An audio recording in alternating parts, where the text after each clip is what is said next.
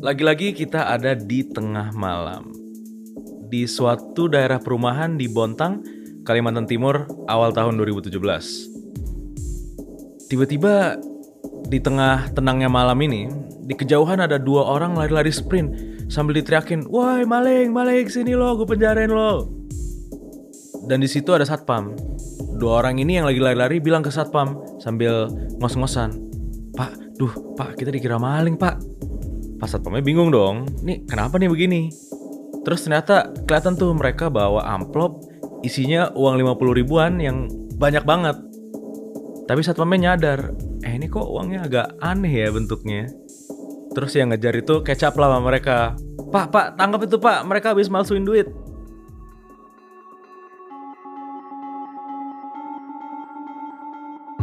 Selamat datang di podcast Indonesia True Crime.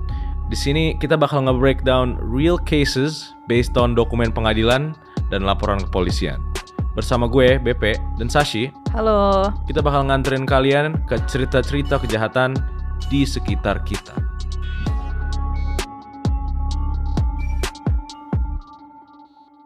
Lu pernah lihat duit palsu gak sih, Sash? Pernahnya sih duit mainan ya. Iya, gue juga tuh beli dulu yang Cars. Suka banget ada tuh gue, seratus ribu, lima puluh ribu. Serasa banyak duit gitu. Gue pengen sih banyak duit, tapi jangan duit palsu kali ya. Kita di Bontang, Kalimantan Timur, tahun 2017. Coba kita kenalin dulu pelaku kita, Nasrul. Nah ini Nasrul ini masih muda nih, masih 20 tengah lah ya umurnya. Dan biasa, pengen banget ceritanya keep up with lifestyle yang keren gitu. Jadi dia ngelakuin lah sesuatu yang tipikal anak muda banget. Belanja sesuatu dengan uang yang dia nggak punya. Jadi zaman segitu tuh gue nggak tahu ya dia kenapa tapi di putusannya itu dibilang dia beli BlackBerry Torch pakai uang seorang kenalan dia namanya Pak Ari. Jadi kayak gadai gitu lah ya. Kan belum ada pinjol dulu kan. Dan kalau minjem ke bank pasti keuangan segala macam harus udah oke tuh, maksudnya clean lah. Jadi pinjemlah dia sama Pak Ari. Gua nggak ngerti sih jujur kenapa sih Pak Ari ini mau minjemin. Mungkin ya jiwa kekeluargaan aja kali ya, mengenal orang Kalimantan nih. Seiring berjalannya waktu, kayaknya Nasrul ini nggak mampu nyicilnya gitu. Terus dia mikir gimana ya cara bayar ini. Nasrul ke temennya si Tresno dan Tresno ini bawa mereka ke satu lagi orang namanya Sopian. Nah Sopian ini agak-agak kreatif gitu ya orangnya. Mereka pun nyeritain gitu masalahnya ke Sopian. Mungkin kayak eh gimana nih ya gue tuh punya utang. Terus ternyata tahu-taunya si Sopian ini punya mesin pencetak uang. Mesin pencetak uang. Mesin pencetak uang. Beda tuh sama printer biasa. Ya iya bener mesin ini literally bisa nyetak uang. Ya gue juga bisa sih pengen nyetak uang. Tapi inget guys, dan lu juga ya Sasha, lu jangan banyak ngide lu. Yang bisa nyetak uang itu cuma pemerintah. Jadi kalau lu punya printer, terus bahan lo kertas mirip, terus lu print tuh uangnya, terus lu gunting-gunting, ya itu bukan uang. Lagi pula, kalau nyetak uang itu sama aja artinya kayak pemalsuan dokumen resmi, masuk penjara. Jadi si Sopian cetaklah uang palsu itu dengan pecahan 50 ribu sampai jumlahnya kira-kira 1,9 juta lah. Nah untuk nyetak uang itu dia pakai printer Canon dia dan terus kertasnya pakai kertas-kertas yang mirip-mirip rupiah gitu. Habis itu dia potong tuh satu-satu. Kalau di putusannya sih pakai gunting ya, tapi gue nggak jujur gue nggak percaya, nggak mungkin pakai gunting, gak sih dia pakai potongan kertas gitu nggak sih? Nah, akhirnya Nasrul dan Tresno makailah uang-uang itu. Uang-uang palsu itu. Tapi kan walaupun ini uang palsu ya, orang juga gimana sih cara bedainnya? Terus apalagi kalau di Indonesia mah uang udah kayak di wall-wall gitu, orang mah udah kagak peduli kan. Jadi pakai uang palsu itu mereka asik-asikan lah ngasih temen, terus ada traktir-traktir lucu. Sampai-sampai buat happy-happy nih, cie punya duit nih ceritanya sekarang. Mereka belanja lah obat namanya obat double L. Ini kayak sejenis halusinogen gitu ya, jadi bikin ya namanya juga halusinogen kan, bikin halu. Terus bukan cuma itu, mereka juga pakai uangnya buat beli narkoba. narkoba namanya sabu alias metamfetamin gitu alias crystal meth. Happy-happy lah mereka.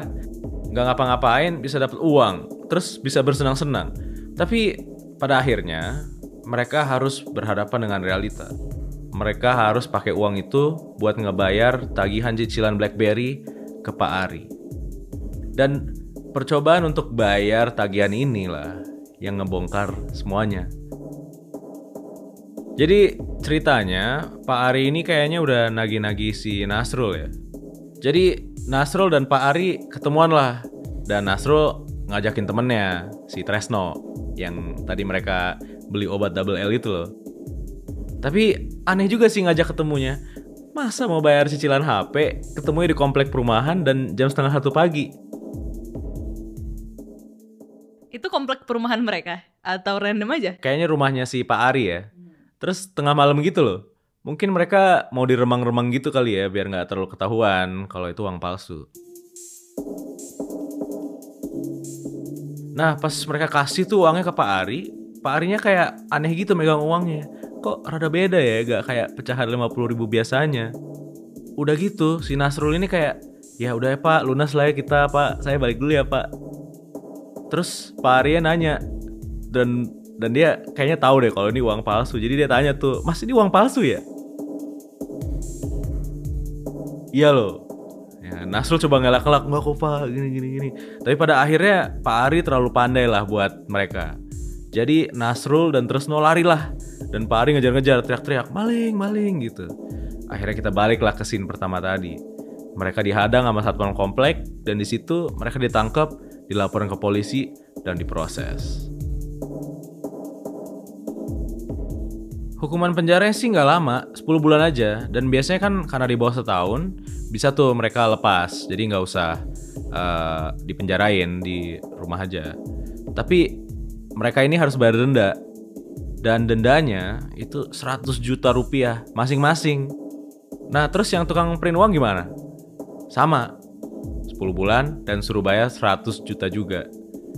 Tapi ya lagi-lagi lah, bayar BlackBerry aja susah. Gimana bayar 100 juta?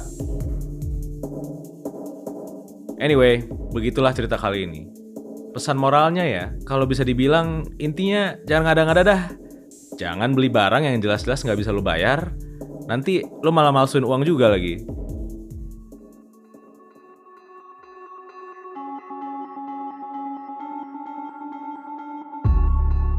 Suka cerita crime kayak gini? Pantengin terus podcast Indonesia True Crime di Spotify. Jangan lupa follow juga podcast kita dan kasih rating bintang 5 ya. Thank you. See you next time.